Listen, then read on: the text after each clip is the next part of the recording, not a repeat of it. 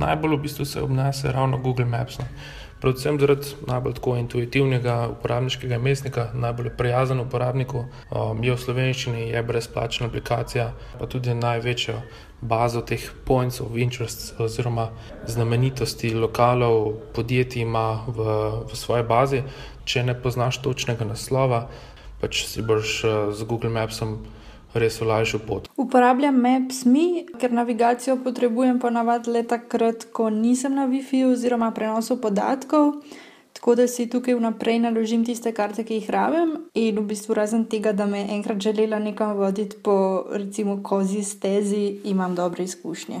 V tujini uporabljam predvsem Sajgic, ker ne kuri podatkov, v Sloveniji pa večinoma kar Google Maps. Google Maps, vedno če iščem kam na pivo v Ljubljani ali pa če z motorjem raziskujem Bali. Samo uporabljam Google Maps. Za navigacijo v avtu in na sprehodu uporabljam Google Maps, ker je za moje potrebe čist zadovoljiva. Ja, seveda uporabljam navigacijo. Med vožnjo največ navigon, ker ima uh, offline podatke, se pravi, ne rab interneta, um, ne glede na to, v katero državo grem. Za po mestu pa City Mapper, če je mesto podprto, kot recimo London, uh, če pa ni pa Google Maps. Tako je, pa nas v avtu nimamo grejene navigacije, zato ko gremo na kakšno daljšo pot na armaturo, namestim Tom Toma.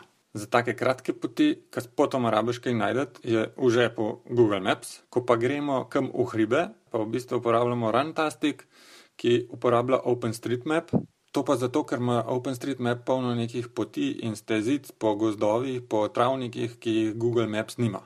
Niti pomotoma se pa ne zgodi, da bi vklopil Apple Maps.